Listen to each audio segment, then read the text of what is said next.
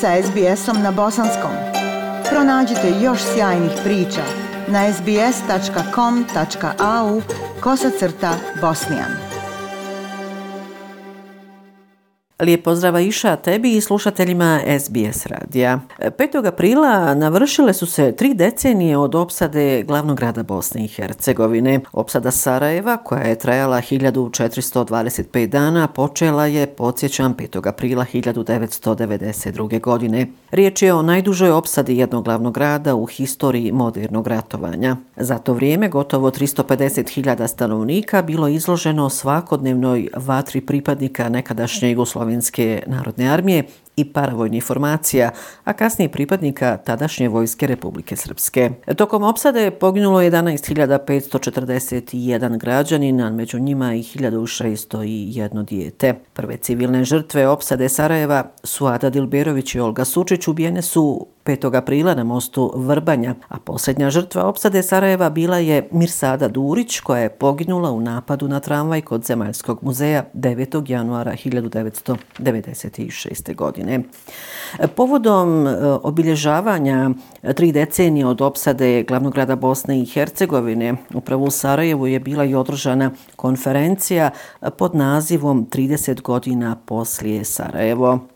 Ovoj konferenciji prisustvovali su, pored ostalih, i predsjednik Međunarodnog rezidualnog mehanizma i prvi izabrani sudija u Haškom tribunalu za bivšu Jugoslaviju, Karmel Ađius, i glavni tužitelj mehanizma Serge Bramerc. Oni su podsjetili na teror kojim su tokom trojipogodišnje opsade bili izloženi građani Sarajeva, zatim značaj procesuiranja zločina u Bosni i Hercegovini te opasnost relativiziranja i revizije historijskih činjenica utvrđenim na desetinama hiljada stranica svim e, dostupnim e, sudskim e, presudama. E, Carmen Ađios je kazao da i dalje postoje oni koji odbijaju priznati šta se desilo, šire dezinformacije i ponovo pišu historiju. A glavni tužitelj mehanizma i član izvršnog odbora Udruženja međunarodnih tužitelja Serge Bramerc opsadu Sarajeva smatra jednim od najmračnijih trenutaka u modernoj historiji. Na ovom skupu govorila je i gradonačelnica Sarajeva Benjamina Karić i evo kratko dijela njenog izlaganja. A u te četiri godine u gradu je ubijeno 11.541 osoba, od kojih 1.601 dijete. Preko 50.000 naših sugrađana i sugrađanki je ranjeno. Nakon e, dvogodišnje pauze zbog pandemije koronavirusa u Mostaru je održan 23. E, međunarodni sajam privrede. E, na sajmu su govorili, dakle na samom otvaranju sajma 5. aprila, govorili su i predsjednica vlade Republike Srbije Ana Brnabić, zatim premijer Republike Hrvatske Andrej Plenković, te ministar vanjskih poslova i trgovine Mađarske Peter Sijarto, koji je ovaj sajam proglasio otvorenim. E, domaćini su naravno bili predsjedavajući vijeća ministara Bosne i Hercegovine Zoran Tegeltija i premijer Federacije Bosne i Hercegovine Fadil Novak. Kovalić. Poslušajte u nastavku šta su kazali Zoran Tegeltija i Fadil Novalić. Cilje nam je da kroz regionalnu saradnju pojačavamo naš region kako bi se zajednički pozicionirali kao jedan respektivan prostor koji je prije svega poželjen za ulaganje i investicije i da kao takvi budemo značajan i poštovan član Evropske porodice i Evropske unije. Dobro smo znali da će se iza ove krize, jer svaka kriza je šansa, znači neki lanci snabdjevanja pomjeriti sa srednjeg i dalekog istoka prema istočnoj i jugoistočnoj Evropi gdje se i mi nalazimo. I bili smo u pravu. Zato smo narošto pokušali održati svoj izvoznik. Nikad nikada u federaciji nismo imali tako veliki izvoz, 9,6 milijardi. E, gost iz Hrvatske, premijer Hrvatske Andrej Plenković, je ocijenio da je Mađarska kao zemlja partner ovog sajma jasno artikulirala signale prema Bosni i Hercegovini. Apeliram na lidere bošnjačkih i hrvatskih političkih stranaka da obnove savezništvo, poručio Andrej Plenković.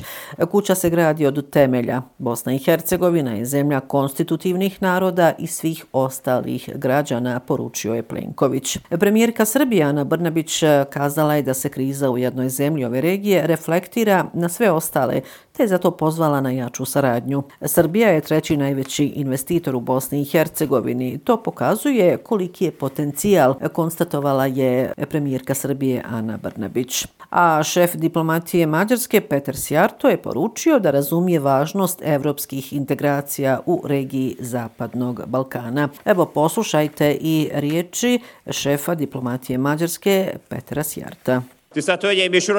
Lanjske godine trgovinska razmjena Mađarske i zemalja Zapadnog Balkana kretala se oko 5,5 milijardi eura. To je jedan golemi rekord iz kojeg su izuzetno profitirale obje strane.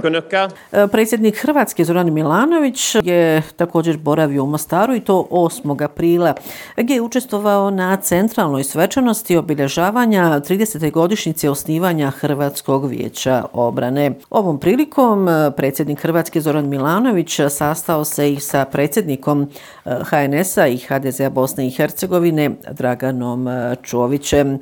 Ehm, novinari su naravno pitali Zorana Milanovića oko e, Bosne i Hercegovine, dakle aktualne situacije, ali je predsjednik e, Hrvatske kazao da u svakom slučaju podržava cjelovitu Bosnu i Hercegovinu i upravo takva bi trebala da uđe u Evropsku uniju. E, Milanović, dakle predsjednik Hrvatske, je podsjetio da nije htio da stavi potpisi na inicijativu da Ukrajina dobije status um, kandidata.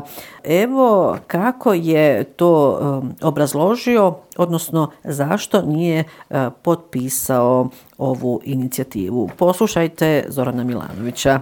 Moj uvjet je bio da bih to potpisao da se tu spomene i Bosna i Hercegovina kao zemlja koja također dobija status kandidata, jer ako može Ukrajina, u redu, onda i tekako mora biti Bosna i Hercegovina koja je ipak puno sigurnija, mirnija država usporedbi s Ukrajinom i u sred Evrope, nije na rubu. To je odbijeno i ja sam se uljudno zahvalio jer mi to nije bilo prihvatljivo. Dakle, moje pitanje samo glasi, smatra li itko da se tako ponaša neprijatelj Bosne i Hercegovine kao cjelovite države? U oči sastanka Zorana Milanovića i Dragana Čovića, evo šta je e, sam predsjednik HDZ-a e, Bosne i Hercegovine, Dragan Čović, kazao o čemu će razgovarati. Poslušajte. Želimo predsjednika upoznat sa aktivnostima koje danas imamo vezano za aktualnu političku situaciju u Bosni i Hercegovini i ono što su nastojanja predstavnika Hrvatskog narodnog sabora, aktivnosti oko izmjena ili dopuna izbornog zakona i sve ono što slijedi vezano za tu aktualnu političku situaciju. Evo ovu informaciju sam ostavila za kraj.